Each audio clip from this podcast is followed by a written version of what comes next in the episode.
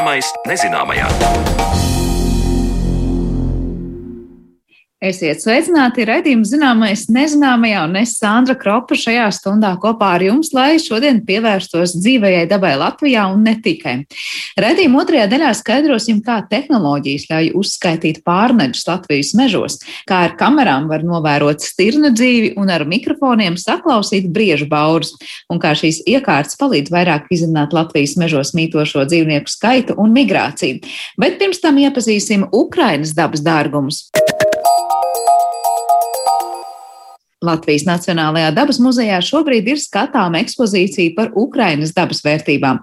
Kā teikts muzeja informācijā, tad laikā, kad kultūras un dabas mantojums Ukrainā tiek iznīcināts, vēlamies atgādināt, tas tiek glabāts muzejos visā pasaulē, arī pie mums. Mana kolēģe Zana Lāca Baltāksne turp devās, lai iepazītu augu ekspozīciju, miecvielām bagātu pīlādzi, krāšņu peoniju un krokaino cūceni, augu, kas atgādina kazeni. Mums ir dabas muzejā šī nelielā izstāde ir izveidota būtībā pēc viena tāda ļoti svarīga principa, teritoriālā principa. Gan dabas objektu sugas, gan arī geoloģiskie objekti ir izvēlēti tā, lai viņi pārklātu visu Ukraiņas teritoriju aptuveni vienmērīgi. Jā, lai nav tā, ka ir no viena reģiona ļoti daudz un no cita nekā.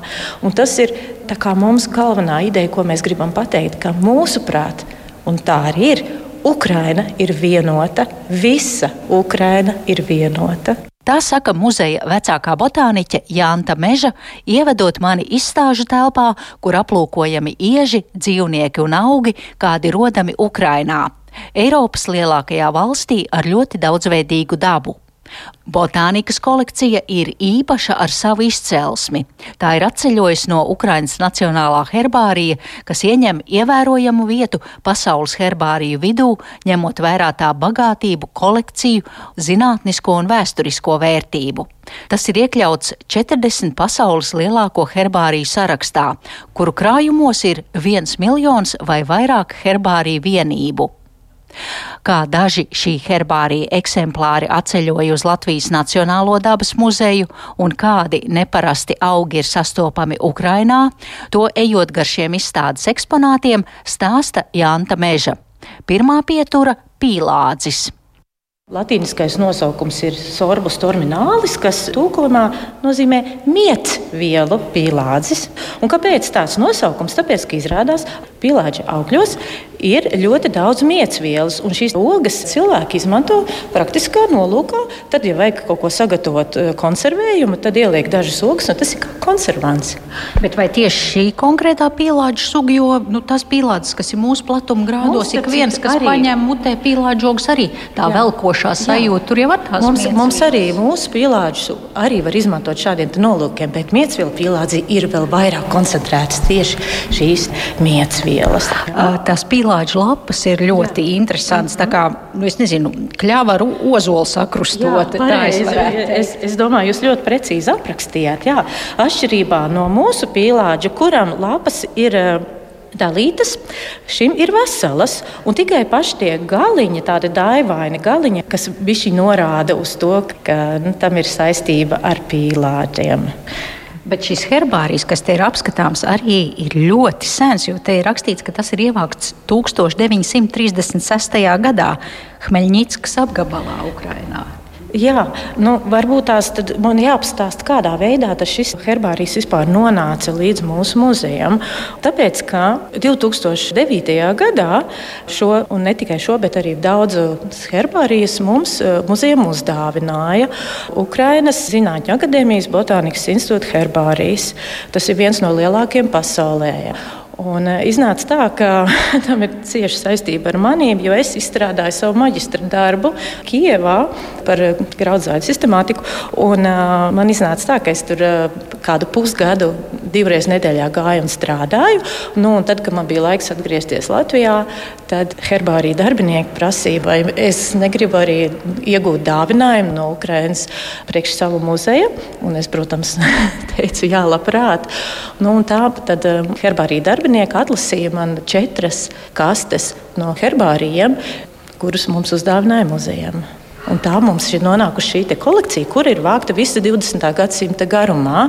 Un kolekcijā ir ļoti daudz vērtīgu materiālu, ne tikai sugu ziņā, bet arī tādā ziņā, ka vācēji kas ir ievākuši herbārijus, ir nu, viena no tādiem paši prominentākie Ukraiņas botāniķi. Tad viens ir miecvielām īpaši bagātais pīlādzis, kāds aug Ukrainā. Tad vēl viena ļoti interesanta suga ir peonija.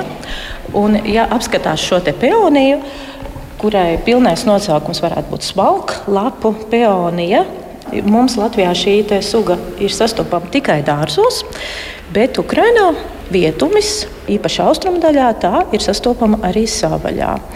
Un šis dekoratīvais aizsargājamais augs raksturojums ir to, ka nu, tāda peonijas rozā zieds visai paliels. Bet lapas savukārt tādas smalkas, nu, varētu gandrīz teikt, tā kā tādas dilītes. Jā, nu, tiešām, jā, par, tā kā, div, jā, jā, bārkstainas diļu lapas. Mm -hmm. Un atraudētība šim augam ir tāpēc, ka tas zied diezgan agri. Jau aprīlī uzzied un maijā, Un tajā laikā nemaz nav tik daudz ziedošu augi. Cilvēkiem, protams, patīk plūkt šādus krāšņus un arī smaržīgus augus. Un, nu, tā rezultātā iznāk tā, ka paliek ar vien mazāk un mazāk. Ne, visai sāpīgi tieši šobrīd ir lasīt, ka šī peonija ir ievākta no Luhanskas apgabala Jā. un ka šobrīd tās peonijas tur aug. Mēs jā. nezinām, vai Mēs, aug tajā. Jā, kara darbības zona tagad ir. Um, bīstama ne tikai cilvēkiem, bet arī visai dzīvajai dabai. Nu, jā, mēs varam tikai cerēt, ka, ka arī pēc smagas kara darbības augi spēs atjaunoties un atgūties. Bet skatoties uz šo ziedu, man uzreiz ir prātā ukrāņu tautas tērpi. Meitām, sievām izšūtējās blūzes ar jā. ziedu rakstiem. Un iespējams, ka šī peonija arī ir jā, iekļuvusi viņu no etnogrāfiskajā tautas tērpā. Nu, es domāju, ka Ukrāņietis izmanto visas iespējas, kā sev, savu tautas tērpu, vispār arī mūsdienu tērpu krāšņi padarīt. Un īpaši ar nākamo augu, rozi. Rozes, debes roze. Tā kā mežrozīte atgādina. Jā, tā ir viena no, ko mēs tautā saucam par mežrozītēm, jeb savvaļas roze, kurai ir ļoti interesanti tieši šis eksemplārs, konkrētais eksemplārs, kas ir izlikts izstādē. Vācējs viņai ir ar uzvārdu Dubovik. Un, ja mēs paskatāmies arī etiķetē, ne tikai vācējs, bet arī sugas pirmais aprakstītais ir Dubovik. Redziet, tas ir viens un tas pats cilvēks. Tā tad es lasu to zinātnisko nosaukumu latīņu valodā. Roza Teskavīka. Tas ir tas dubavik. Nu, re, tas nozīmē, ka šis zinātnieks ir pirmais, kurš šo augu, šo auga sugu ir zinātniski aprakstījis. Un viņš ir arī vācis šo herbāriju konkrēto. Un tas pat ir noticis samērā nesen, nu, ja mēs tā skatāmies uz jaunāku laiku. Tas ir noticis 1964. gadā. Doņetskas apgabalā. Doņetskas apgabalā jā. Šis augs nav rēts, bet eh, tieši šoreiz etiķete bija tā galvenā, kāpēc mēs izvēlējāmies parādīt eh, tieši šo herbāriju mūsu izstādē. Tā dodamies pie nākamā stenda. Krokainā cūcene. Un šeit ir runa par augu, nevis par sēni, kā latviešu sēņotājs domā. Jā. Nu, tā mums ir iznācis, ka mums dažkārt arī pārklājās nosaukumi sēnēm vai arī dzīvniekiem un augiem. Un šī gadījumā tiešām krokainā cūcene ir augs. Uztveramības ziņā būtu līdzīgāk, ja mēs teiktu, augs, kurš ir līdzīgs kazenē, ja, jo arī šim augam ir raksturīga tumša tāda melna, avenē līdzīgs auglis. Bet kāpēc viņa ir ielikta izstādē? Tas ir tāpēc, ka šī suga mums Latvijā ir ļoti, ļoti reta un atrasta tikai divreiz. Un pie šīs sugas mēs varam apstāties un parunāt, kāpēc ir vērtīgi, ka mums muzejā ir citu valstu herbārija. Tas ir tāpēc, ka, piemēram, ja mums ir kāda suga, kas mums pašiem ir ļoti reta, un mēs nevaram viņai iegūt herbāriju, tad ir arī vērtīgi no citas valsts iegūt to pašu sugas herbāriju, lai mēs varētu viņu pētīt. Piemēram, nu, aprakstīt, kādas izskatās tās sugas īpašības un salīdzināt pēc tam ar iespējamu kaut kādu jaunu materiālu, kuru mēs varbūt tās esam paši atraduši, bet īsti nevaram saprast, vai ir tā suga vai nav. Tad, paskatoties kaut vai citas valsts herbāriju, mēs varam kaut kādā veidā vismaz teiksim, tās īpašības nu, raksturot. Tā, ja? Un te var redzēt, jā, līdzīgi kā avenēm, tas kātiņš ir dzelkšņains, bet tās lapas izskatās, nu atkal teiktu, kā avene ar zemeni sakrustot vai zemeni ar kļavas lapu un, un ļoti robainām masām maliņām. Vai jums ir ziņas, vai Ukrāņi iet ogot un vāc šīs krokainās cūcenes un vāri ievārījumus? Es domāju, noteikti, kāpēc gan ne? Kaut gan arī Ukrainā šis augs nemaz nav tik ļoti plaši izplatīts. Tas vairāk ir aizkarpatu reģionā, un tur, nu, kā rakstīts florā, viņu florā, nu, nevisai bieži sastopams. Mm. Tā, un šīs iztālēm izskatās kā rozmarīns, bet tas nav rozmarīns. Vīrcele. Jā. Un e, šis augs arī Latvijā nav atrodams. Ja, es viņu tāpēc e, varu tikai minēt, kā viņu vajadzētu izteikt latviešu, bet, bet tiešā tulkojumā no ukraiņu valodas iznāk liela astes vīrcele līdzīgs jau ļoti kā mums ir. Eh, mums arī ir vīrceles mūsu dabā, bet eh, nu, aprakstā es lasīju, ka viņam raksturīgi, ka viņam visas auga daļas ir ar tādiem maziem, maziem matiņiem klātas. Tāda varbūt drusku mm, druknāka nekā mūsējā. Nu, es teiktu, kā vaivariņa vai rozmarīna krustojums, bet galā ir eh, ziedu. Vārpa, vārpa, jā. Un tāds arī, kā te ir uzrakstīts, tas ir ievākts Luhanskas apgabalā 1956. gadā. Tas bija ieskats ļoti nelielā daļā Ukrainas dabas, un jāpiebilst, ka izstādē ir aplūkojams arī viens svešķermenis Ukrainas dabā. Tas ir plakāts, uz kura attēlots divgalvains ērglis, un ar šādu plakātu muzeja darbinieki kara pirmajās dienās gāja protestēt pie Krievijas vēstniecības. Skaidro Janta Meža. Šī ir nu, tāda montāža, idejiska montāža, ka ar saukli, ka divgalvains ērglis dabā būtu anomālija. Un kas ir divgalvains ērglis? Krievijas simbols. Ja? Tātad tam ir īsmūžs, anomālijām ir īsmūžs. Interesanti, ka uz otra plakāta ir attēlots šī ērgļa skelets un uzrakstīts putna zinātniskais nosaukums. Krievijas divgalvainais ērglis latīniski skan šādi Akila Rusika bija put. Tik tālu par raksturīgo Ukraiņas dabā, bet par pārneģiem mūsu mežos un to, kā viņu dzīvi iepazīst ļauj droni, kameras un mikrofonu sarunu jau pēc brīža. Nesen raidījumā mēs esam runājuši par to, kā putnu uzskaitē palīdz dažādas tehnoloģijas, un šodien mēs pievērsīsimies zīdītājiem. Pārneģi, īpaši stirnas, noteikti ir bieži sastopams dzīvnieks, kur varam manīt te jebkur Latvijas ainavā. Lai noskaidrotu, cik daudz pārneģu dzīvo Latvijas mežos, pētnieki izmanto visus iespējamos rīkus, sākot ar mikrofoniem un beidzot ar droniem. Turpmākajās minūtēs mēs noskaidrosim, kādu realitātes šovu par meža dzīvi mums atklāja šīs tehnoloģijas un kāds ir šādas uzskaitas mērķis. Par to visu vairāk es runāšu šodien ar Vidas risinājuma institūta vadošo pētnieku Dainu Jakuvelu un arī šī paša institūta pētnieku Aleksu Vecmanāgu. Labdien jums abiem! Labdien! Varbūt sākšu ar to, kāpēc ir nepieciešams veikt tādu pārneģu uzskaiti, lietojot nu, ļoti, ļoti dažādas tehnoloģijas, kā jau teicu, sākot no mikrofoniem un beidzot ar droniem. Un, un visbeidzot, arī kur tas Latvijas, kurā teritorijā notiek. Daina, varbūt sākšu ar tevi, tad Aleks varbūt var pak pakomentēt.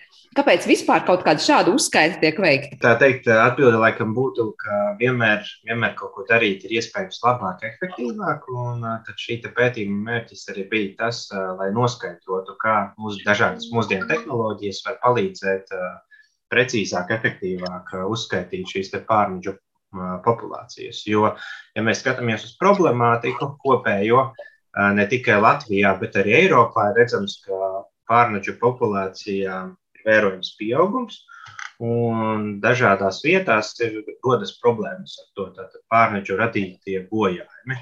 Ja nemaldos, piemēram, kurzemē šobrīd ir, ir šī problēma aktualizējusies un ir atsevišķi lokālas vietas, kur ir nu, tā teikt, izteiktāki pārneģu bojājumi. Un, ja mēs skatāmies uz kopēju uzskaiti, kā tas notiek, piemēram, Latvijā, tad šī uzskaita ir balstīta uz statistiku, informāciju, kas ir ievākta no dažādiem avotiem, mežziņiem, Eh, mednieku kolektīviem, tādējādi nosakot šo te eh, dažādu pārneģu sugu eh, populāciju.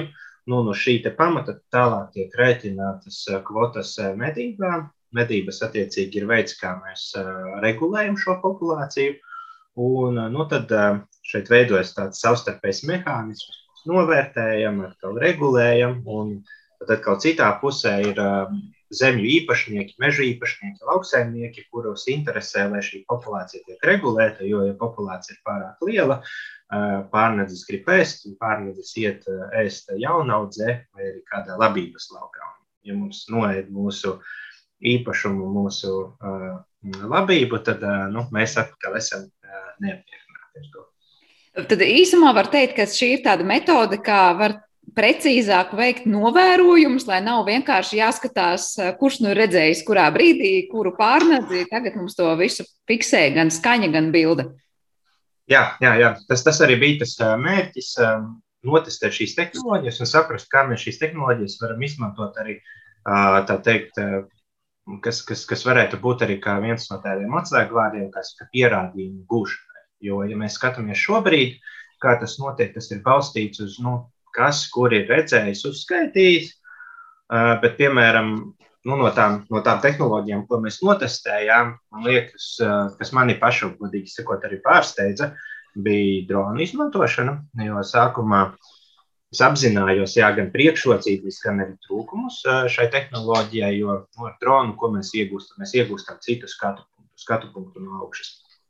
Un, uh, Nu, no vienas puses mēs varam ātri noskenēt noteiktu teritoriju, bet uh, mums ir jāsaprot, ka no skatoties no augšas, mēs uh, mēdzam arī neredzēt, kas notiek zem lapām, vēl kaut kas tā tālāk. Tas nozīmē, ka būs pārneģi, kas slēpsies un ko mēs. Un mēs esam veikuši diezgan daudz lidojumus dažādos laika apstākļos, gada laikos, dienas laikos, vēl kaut kas, lai saprastu, kāds, kāda ir šī optimālā pieeja, kā, kā to darīt, lai, lai ievāktu šos datus. Un kopumā rezultāti mani pozitīvi pārsteidza, jo uh, mums, mēs, tas, ko mēs novērojam, mēs redzējām, ka mēs redzam pat vairāk pārničus nekā tas tiek uzskaitīts ar standarta references metodi. Un uh, standarta references metodes, ko, ko mēs izmantojam šajā pašā teritorijā, bija uh, nu, tā, tās, ko izmanto pētnieki, ejot uh, pa mežu, vai tās ir pēdas, skaitot, uh, vai, arī, vai arī tā saucamā ekskrementu metode. Uh, tad, tad arī mums bija, mēs skatījāmies arī apkodumu, daudzumu, intensitāti un tā tālāk teritorijā.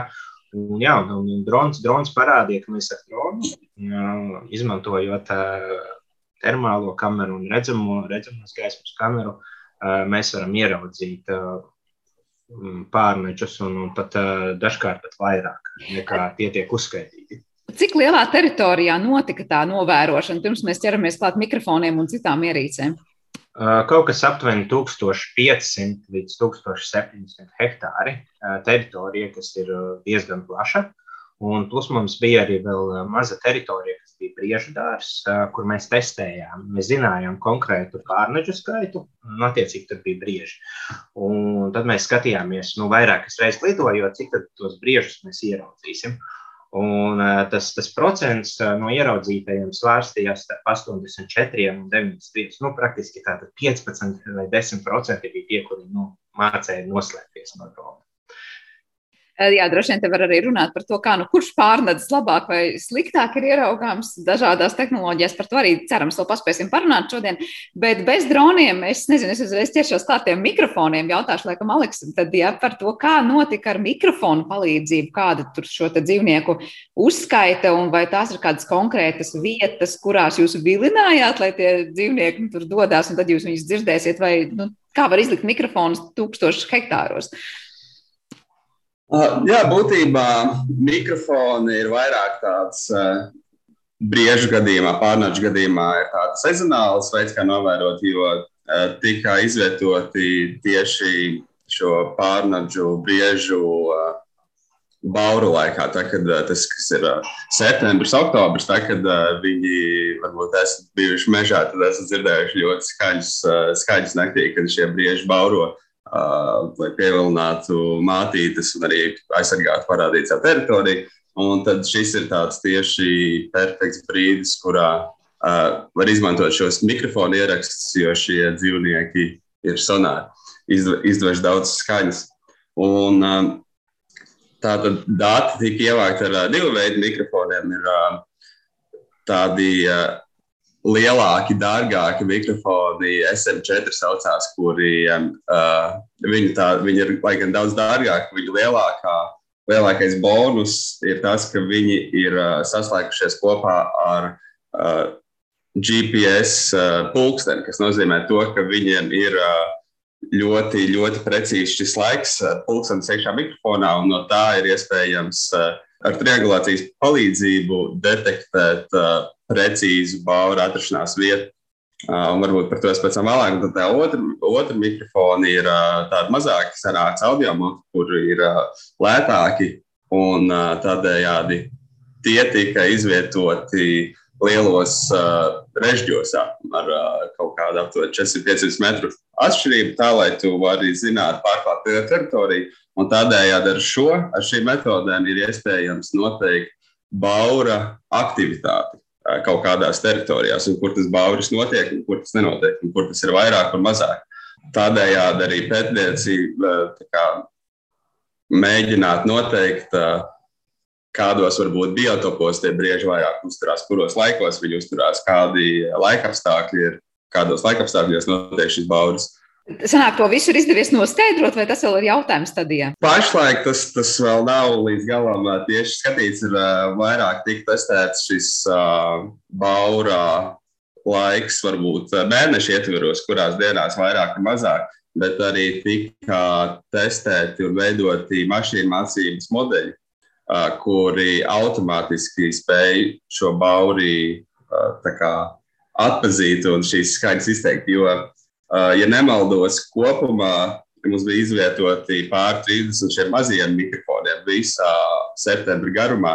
Un pa šo mēnesi, pa tā visām dienām, kā arī viņi strādāja, tika ievākti vairāki tūkstoši stundas kopā ar datiem, kas ir um, cilvēkam, pieņemsim, tos apstrādāt, un iziet cauri un klausīties. Tas aizņemtu ārkārtīgi daudz, uh, milzīgas laika apjomus. Un, jā, būtībā tāpēc tika veidots un arī veiksmīgi izveidots tāds eh, mašīnu mācības modelis, kurš spēj ar ļoti augstu precizitāti detektēt šos saucienus un noteikt precīzus laikus brīžus, un, un jā, brīžus, kad, eh, kad tie ir veikti. Tad atrašanās laiks, vieta mums ir pilnīgi skaidra, kurā brīdī kas kur notika, ja tā var teikt. Bet tas ir joprojām tajos konkrētajos paraugu laukumos, ja, kur notiek šī pētniecība. Jā. Ir kaut kādi ierobežojumi. Es nezinu, ja tagad būtu jāatbild uz jautājumu, kā zināt, kurā Latvijas vietā mums ir daudz vai maz konkrēto pārneģu. Mēs tā varētu vienkārši pārnest jūsu mikrofonus, kaut kādu laiciņu patestēt un saprast, vai nu tā tik vienkārši gluži nav. Un jautājums, nu, kā pielietot to visu, piemēram, nu, no viena reģiona citam. Mikrofoni tieši ir vairāk tāds, to var mēģināt pirmkārt ekstrapolēt, varbūt, ja vienā teritorijā atrodas uh, šis bauris, vai, tad to var mēģināt uh, pateikt, ka tā, citā teritorijā arī varētu būt. Bet, nu, būtībā tos mikrofonus jā, var pārvietot un novietot uh, varbūt mazākā skaitā liel, dažādās teritorijās, un tādējādi arī to var salīdzināt savā veidā. Un, jā, un uh, varbūt uh, ar mikrofoniem uzskaitīt precīzi populāciju nav īsti Iespējams, jo viens tēviņš var baurot vairākas reizes dažādās vietās, dažādos laikos, un tu nevari īsti pateikt, vai tas ir viens un tas pats. Tas bauris pasaka kaut kādā savā ziņā pārošanās un nākamās sezonas uh, veiksmīgu, veiksmīgumu, un, uh, un tādējādi var noteikt kaut kādas uh, ietekmes uz populācijām. Kā prognozēšanā diezgan palīdz. Dainē, zinu, ka tev kaut kas bija piebilstams.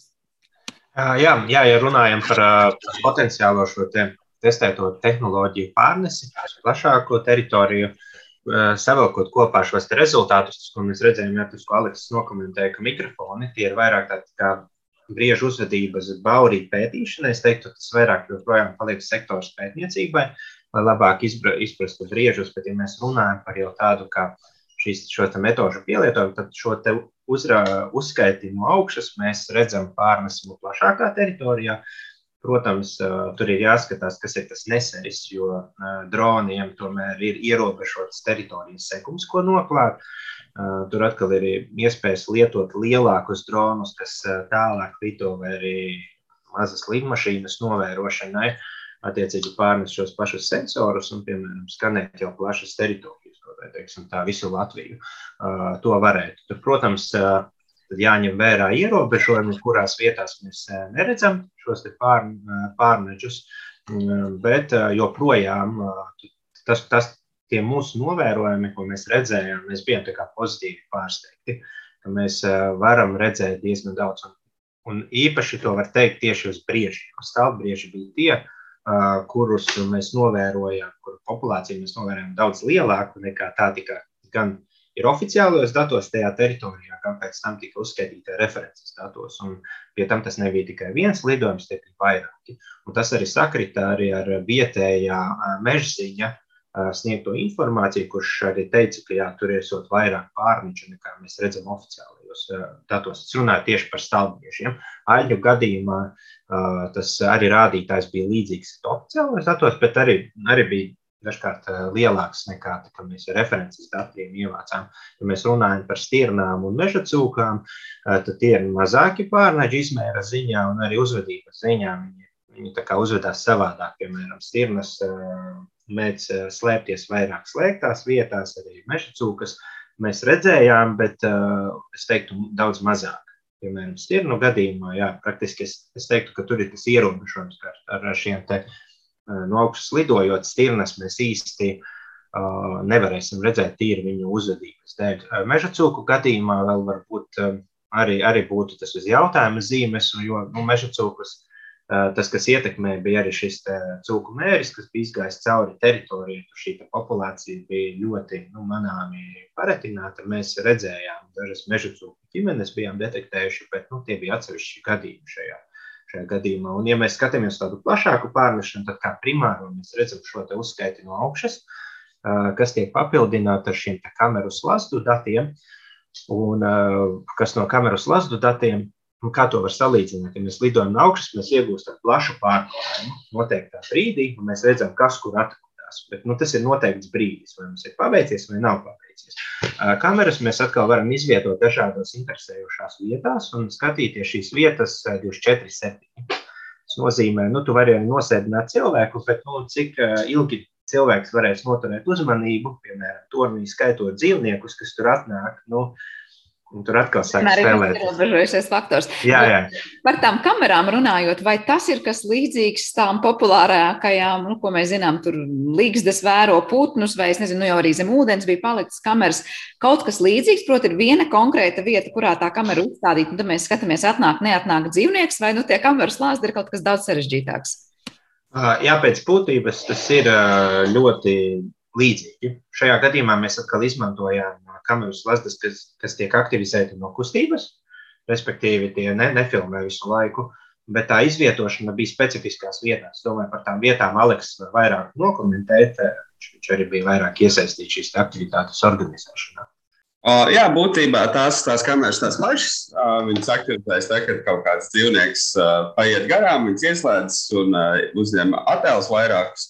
Un, jā, būtībā viņas tika izliktas dažādās vietās, kur ar dažādiem pieņemsim, šiem foniem, pieņemsim, mežā vai uz takām vai, vai, vai pie pļavām. Un, tādējādi ar meža kamerām var noteikt to dzīvnieku savā ziņā biežumu, cik daudz viņi tur uzturās. Jo ar kamerām ir līdzīga tā, tāda problēma, kas ir ar, ar šiem mikrofoniem, ka tas var būt nu, īpaši briežu govīm, kuras izstāsta līdzīgi, un tu nevari atšķirt viņus savā starpā. Tāpēc ir grūtāk pateikt, vai tie ir dažādi dzīvnieki, kas to darījuši. Un, un, un, jā, būtībā tāpēc var veidot pieņemsim indeksus un ar tām skatīties tādu populācijas uzvedību. Un, vai palielinās laika gaitā šie, šie skaits dzīvnieku, vai tas ir dažāds, pieņemsim, dažādās teritorijās, un kā atšķirās un šo sezon, sezonalitātes efektu, kā arī dienas, efektu, pieņemsim, kurā laikā, kurā brīdī uzturās visvairāk šie dzīvnieki. Un tādējādi. Un, um, tā, tā lieta ar meža kamerām, kad ir tā, nu, ka tu nevari precīzi pateikt dzīvnieku skaitu, un uh, ar droniem, kur uh, tu nevari tik ilgi novērot šo teritoriju, jo tu 24 stundas nevari dienā ar dronu lidot pāri visam. Uh, tā, tā būtība šiem dažādu tehnoloģiju izmantošanai ir tas, ka tu vari ar vienu tehnoloģiju veidu validēt un papildināt otru tehnoloģiju veidu, jo tev ir dažādas šīs, šīs šie dati, un no tiem tu vari uh, katru mīnusu atņemt. Un, un, un tādējādi salīdzināt, pārliecināties un uh, veikt tādu objektīvāku novērtējumu. Bet Aleks tikko teica, ka nav iespējams dažkārt atšķirt konkrētus individus. Vai tas attiecas arī uz pārējiem dzīvniekiem? Man šķiet, es kaut kur lasīju, ka tieši tās kameras pat ļauj uzskaitīt atsevišķus individus un pateikt, lūk, šis dzīvnieks te jau vienreiz ir bijis. Es nezinu, varbūt tas attiecas uz kādiem citiem dzīvniekiem. Jā, tas ir būtībā tas ir ļoti atkarīgs no šiem pašiem tā, tā dzīvniekiem, kas tiek pētīts. Pieņemsim, Latvijā tāds piemērs, kur tā kameras varētu, nu, var atšķirt, ir pieņemsim lūši, kuriem ir ļoti izteikti plankumi, un pēc tā var atšķirt vienu dzīvnieku. Ar, diemžēl, pārnaģus un nu, Latvijas pārnaģus, kas ir sanāk, brieži, stirnas, meža cūkas un aļi, viņus nevienmēr var atšķirt. Vienīgais veids ir būtībā buļļi, Tā, kad viņiem ir ragi, var mēģināt, bet tie arī var mainīties, tie var augt. Tas ir sarežģīts diezgan process.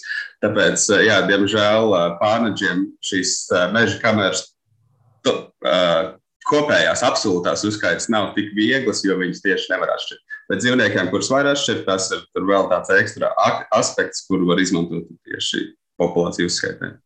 Mhm. Daina, vai tev bija kas piebilstams par šīm kamerām vai Jā, jā nu, kameru gadījumā man liekas, viens no būtiskākajiem aspektiem ir tas, ka mēs varam analizēt šo pārneču populācijas struktūru, respektīvi, cik daudz tur ir attiecīgi dažāda dzimuma pārstāvja, vecuma pārstāvja. Un mums arī kopīgais pētījums šī aktivitātes ietvaros ar Silavu bija salīdzināt, cik ticami mēs varam no kameru slazdiem šīs informācijas par populācijas struktūru iegūt, ja salīdzinām ar standarta metodi kas parādīja, ka nu, šī informācija no kameras lasdiem ir pietiekami ticama.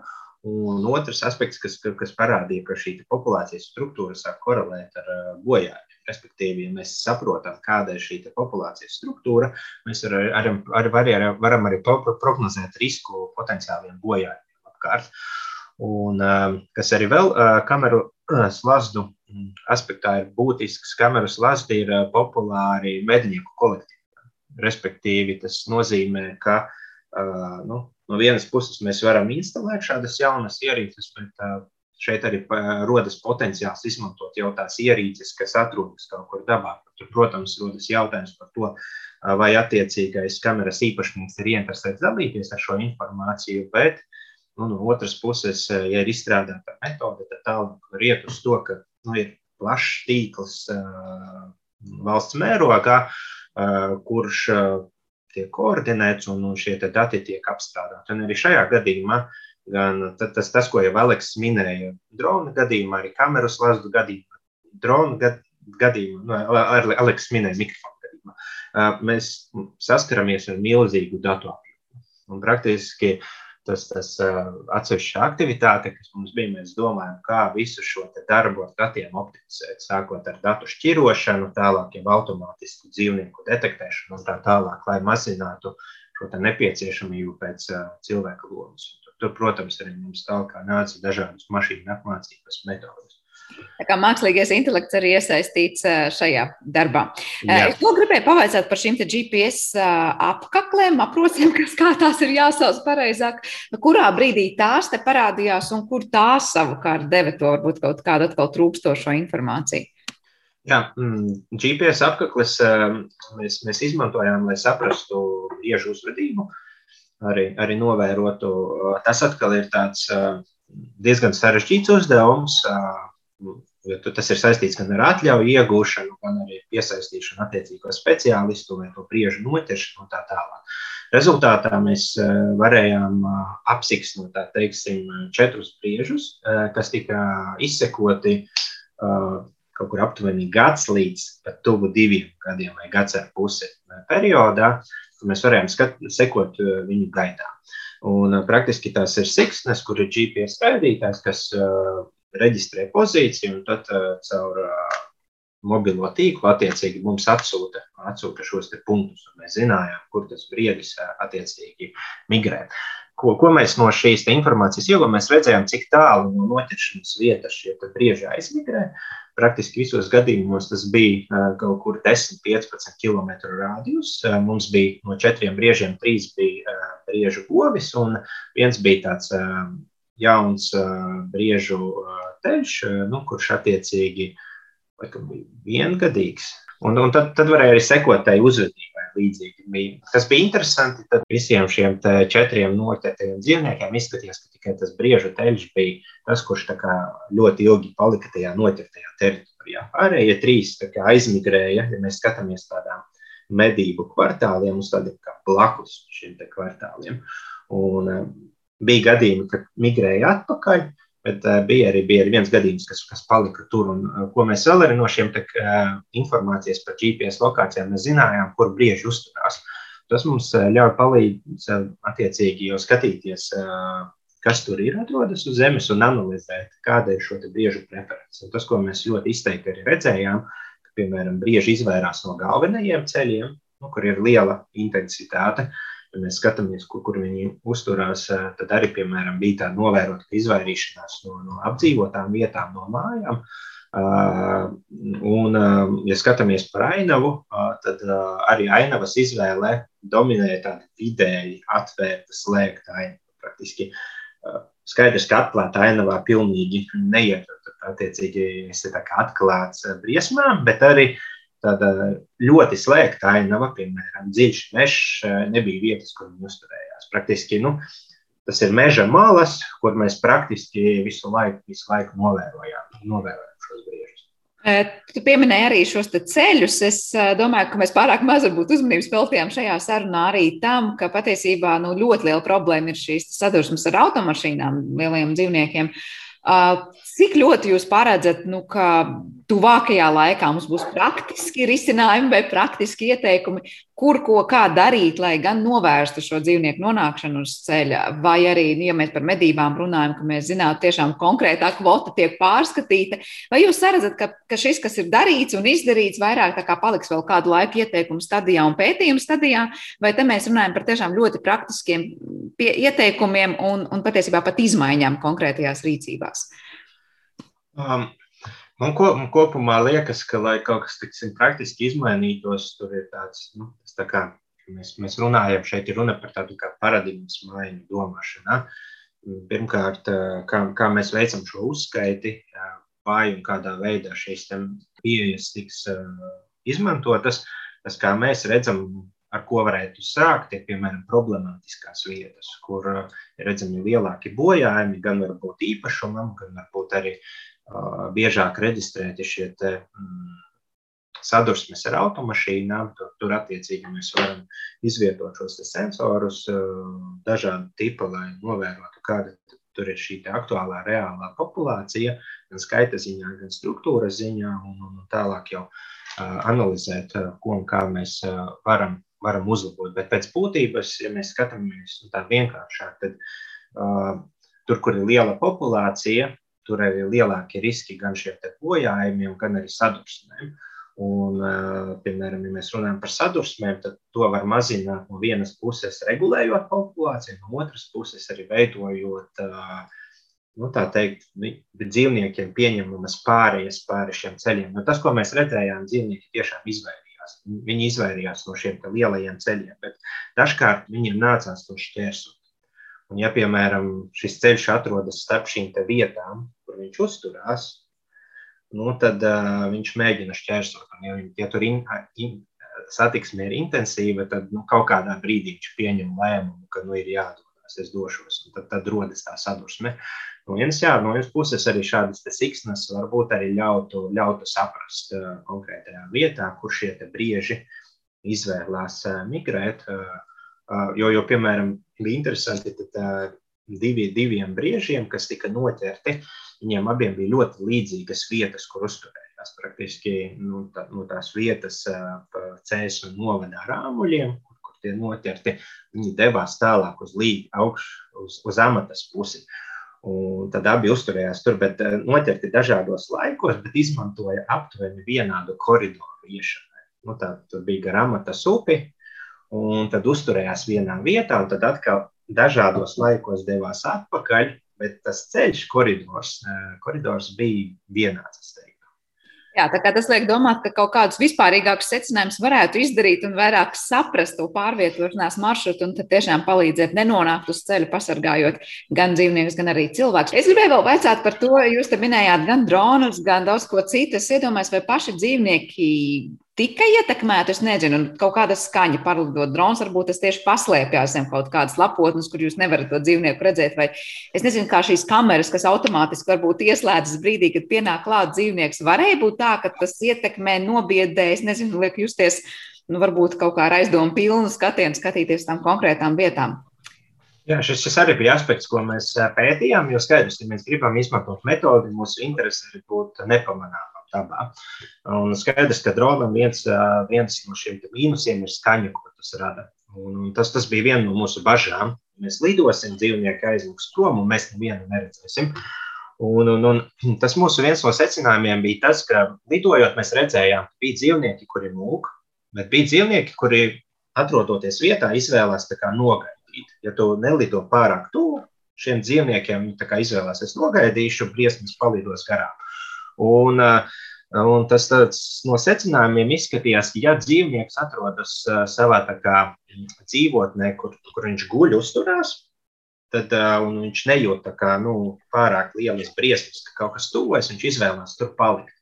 Un, ja atkal dzīvnieks ir kaut kur ceļā, uz barošanas vietu, viņš kustās, viņam šī apkārtnes vide nav pārāk pazīstama, tad, tad viņš tiek tā teikt, vairāk, vairāk jūtas e, tramdīts. Un tas atkal, tas atkal ietekmē jau tālākos mūsu secinājumus. Mēs domājām, nu, kad kādos laikos veikt šos pārlidojumus un tā tālāk, arī augstumus un, un, un to, to stratēģiju, lai mēs, nu, tā teikt, mazāk ietekmētu šos dzīvniekus. Arī kameras lazdu gadījumā uh, Praktiski, ja mēs skatāmies, tur ir divi potenciāli traucēkļi. Viens ir naktas laikā attēli tiek uzņemti ar zipspulci, bet tur tiek izmantota infrasarkanā gaisma, kas ir nobīdīta, lai tas dzīvnieks to neredzētu, bet joprojām tur ir riski, ka tas rada kaut kādu kā mazu uzplauksnījumu, tādu kā sarkanīgu. Ko kas dzīvnieku var nobaidīt. Un otrs bija, ka kamerām ir šie objekti, kā klipšas attēlu uzņemšanas laikā, kas arī kā skaņīgi dzīvnieki ir ļoti tramīgi. Viņš iet klusumā un pēkšņi ir klikšķis, tas var nobiedēt. Bet šajā gadījumā tur bija runa par konkrētiem modeļiem, un pie, pie šādiem aspektiem tiek, tiek arī strādāts, lai, lai, uh, nu, lai to novērstu. Un, un šie te, tā teikt, sensori uzraugi dabā uh, būtu tā teikt nepamanāmi dzīvnieku sniegt. Un runājot par eh, GPS signāliem, eh, viens no jautājumiem bija, vai noķerot dzīvnieku, vai tā nav dzīvnieka mocīšana. Bet eh, tas, ko mēs varam teikt, ka visi četri dzīvnieki, kuriem bija uzliktas siksnas, viņi, izdzīv, viņi izdzīvoja visu to periodu un netika nometīti. Praktiski, ko tas nozīmē, ja dzīvniekam ir uzlikta siksna un, un, un mednieku kolektīvi ir informēti, ka viņu nogabalā kas ir apsiksnoti, un ja viņš nonāk tēmekļa, tā teikt, redzeslokā, mednieks ierauga, ka tas ir apsiksnots dzīvnieks, tad viņš izvēlās viņu nenogalināt. Arī līdz ar to es pieņemu, ka varbūt kādu brīdi šos briežus, šīs sicnas arī paglābu. Jā, skaidrs. Aleks, laikam bija kaut kas vēl piebilstams pie tām kamerām, par ko Dainis stāstīja. Uh, jā, nu, būtībā ar visām tām metodēm. Nu, ar tām kamerām tas uh, Tu to pamanīji varbūt tikai tad, kad bija ļoti klusums, un tie dzīvnieki arī nevienmēr nu, pamanīja, bet viņi nesabijās. Tas nebija tā. Bet uh, kopumā šīs visas uh, bonus tām attēlinātajām metodēm ir tas, ka tas tieši ir attēlināti, tev nav jāiet un jātraucē katru dienu pieņems tas dzīvnieks. Un, uh, Tās kameras tu vari izlikt, pieņemsim, vienu mežā, un tad viņi tur stāvēs uh, gadu vai pusgadu vai to vajadzīgo ilgumu. Un uh, tā arī to netraucēs. Un, uh, cik uh, es esmu jūs manī uh, lasījis un dzirdējis, ka Eiropas valstīs, lai uzskaitītu briežu populācijas, pieņemsim, ir bieži vien izmantotas tādas tā kā veids, ka viņus visus biedē un dzen ārā no meža, un tad skaidrs, cik daudz dzīvnieku ir iz, iz, izskrējuši ārā un tādējādi. Un, nu, tas ir savā ziņā tad, uh, tieši pielīdzināms tam dronam, kurš ir daudz mazāk tomēr arī tādā veidā invazīvs un daudz mazāk šos dzīvniekus izvedē, ka tas tikai pārlido pāri un tādā veidā arī uh, to, to, to visu populāciju uzskaita. Un tādā ziņā es teiktu, ka vidēji tomēr jā, šīs attālinātās metodas mazāk traucē šos dzīvniekus. Un, nu, un, un, un, gan netraucējošs, gan arī ļauj tiešām nebūt tur cilvēkam 24, 7 klātesošam un kur nu vēl tūkstošiem stundu izklausīt konkrētās eh, ierakstītās skaņas. Tur tiešām gan mākslīgais intelekts palīgā nāk, gan attālinātā tehnoloģija, gan arī, protams, neaizmirstam, ka cilvēka darbs to visu izdomājot, kur ko likt, analizējot un pēc tam arī interpretējot. Nu, ko mēs gaidīsim, kas notiks vēl ar līdzīgiem pētījumiem un ko jūs vēl būsiet izsacinājuši jau no iegūtajiem datiem, bet eh, šajā reizē teikšu jums lielu paldies par sarunu sarunu un atgādinu, ka Vides risinājuma institūta vadošais pētnieks Dainis Jakavels un šī paša institūta pētnieks Aleks Vecmanaks šodien viesojās mūsu raidījumā. Zināmais nezināmajā ar to tas arī ir izskanējis un paldies visiem par klausīšanos un mēs tiekamies jau atkal rīt.